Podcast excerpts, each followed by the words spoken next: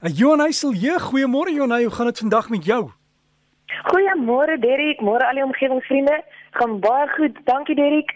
En ek hoor jy het bietjie vroeër gesê maar hierdie week op ons program gesels ek graag oor 'n watertema en dan spesifiek oor vlei lande wat gebruik kan word om water te filtreer.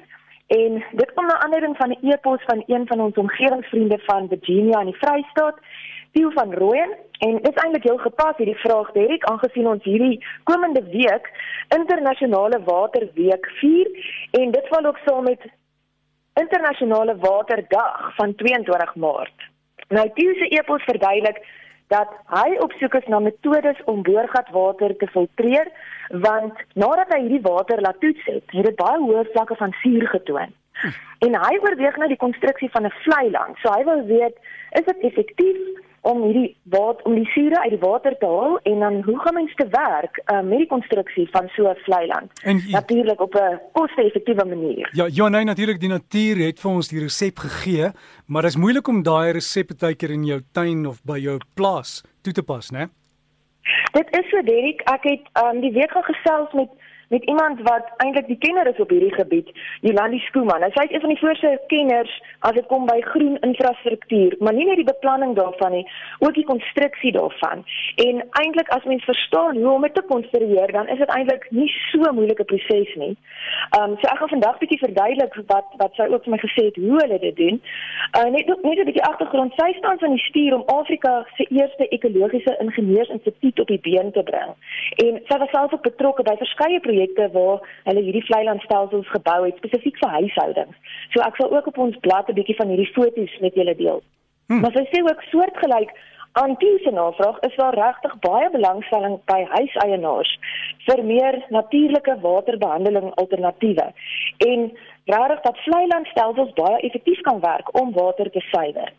So nou as 'n vertrekpunt en dan veral as ons nou water vir huishoudelike doeleindes wil aanwend, dan is dit baie belangrik dat mense hierdie boorgatwater een keer per kwartaal moet laat toets waar hulle nou basies 'n volledige analise doen, um, veral om te verstaan watter swaar metale daar in die water voorkom. En ons sien al hoe meer dat boorgatwater besoedel is deur mynwater of landbou of industriële afloop en die watersamestelling word dan ook beïnvloed. En hierdie watersamestelling beïnvloed die tipe plante wat mens kan gebruik in so 'n vleilandstelsel. So dit is baie belangrik as 'n eerste stap om die water te laat toets ten einde hierdie vleilandstelsel effektief te kan beplan.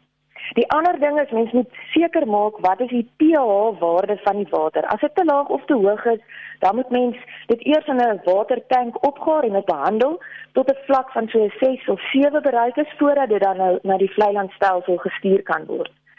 En die grootte en die tipe vleiland sal afhang van hoeveel water behandel moet word. En um, natuurlik moet hierdie vleilande altyd so beplan word dat dit 'n volhoubare ekostelsel kan wees.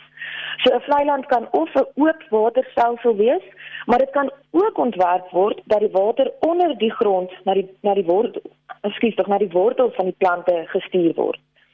En dan die die tipe plante wat gekies word met die ontwerp van hierdie vlei land is veral baie belangrik. En dit moet plante wees wat swaar metale en ook ander nie metale kan mitigeer in hierdie waterbronne of word dit nie die swaar metale direk kan afbreek nie, steeds die valensie daarvan kan verander om dit minder toksies te maak of in ander vorms te verander wat minder skadelik is.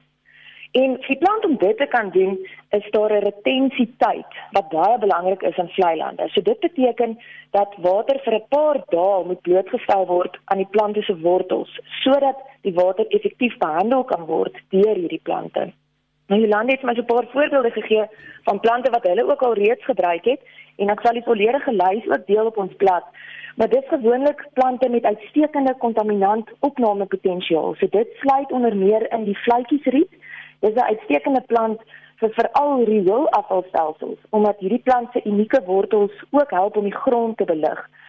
Um ook plante soos die maatjiesriet, die bekende varkoor en sekere tipe vare. So dis maar net om 'n paar te noem. Ehm um, selfs ook gewasse so sonneblomme, spinasie, rog, en selfs mielies is gevind om swaar metale uit water te absorbeer. En dis natuurlik ook belangrik om hierdie plante reg te kies vir die betrokke area.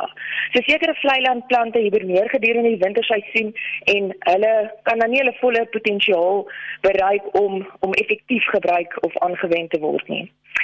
Dan weet ek maar die kleiner weergawe van vlei lande is um Jolande hulle praat van vlei tuine. So iets wat ook baie aan die toeneem is. So dis 'n kleiner weergawe van 'n vlei land en om so 'n vlei tuin te skep Verduidelik hy mens kan sommer 'n gat met plastiek uitvoer en dan 'n lekker dik laag grys byvoeg vir die dreinering en dan die water toevoer aan lê sodat die grond en die plante wat bo op hierdie grys laag geplant is altyd klam sal bly.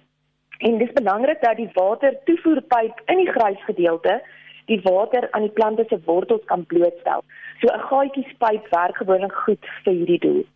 En dan moet ons onthou hierdie stelsel nie oorlaai word nie. So vryplante sal nie gelukkig wees in grond wat oorstroom of stagnant geraak het of uitgedroog is nie. So die grond moet maar altyd klam wees. En die plante moet ook nie te diep geplant wees nie want dit kan weer lei tot blaarvrot en kroonvrot, kenmerkend van wanneer plante se krone geel word en is 'n teken daarvan dat die plante waarskynlik ongelukkig is met die diepte van die water. Hm. Maar vleituine is regtig 'n effektiewe manier om ook grijswater van die huishoudings te behandel. Um natuurlik soos ons gesê het, mens moet die water altyd toets.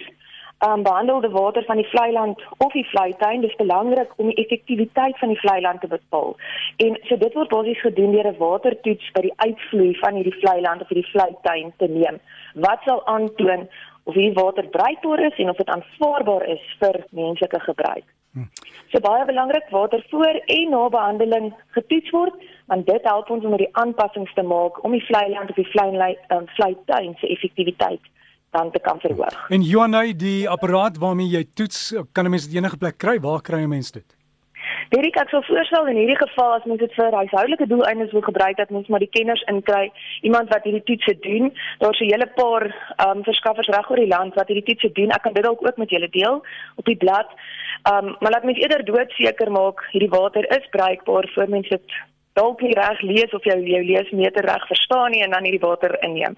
So ek sal hierdie inligting ook met julle deel. Maar as groen gedagte, so voor die aanvang van waterweek oorweeg gerus 'n vleiland of 'n vleituin vir waterbehandeling. Dis 'n natuurlike en omgewingsvriendelike alternatief en dit bewys dit is regtig ook effektief. So miskien 'n lekker uitdaging vir die week. Ja. Sê my Jonay, werk jy aan jou eie uh vleiland daar in jou tuin?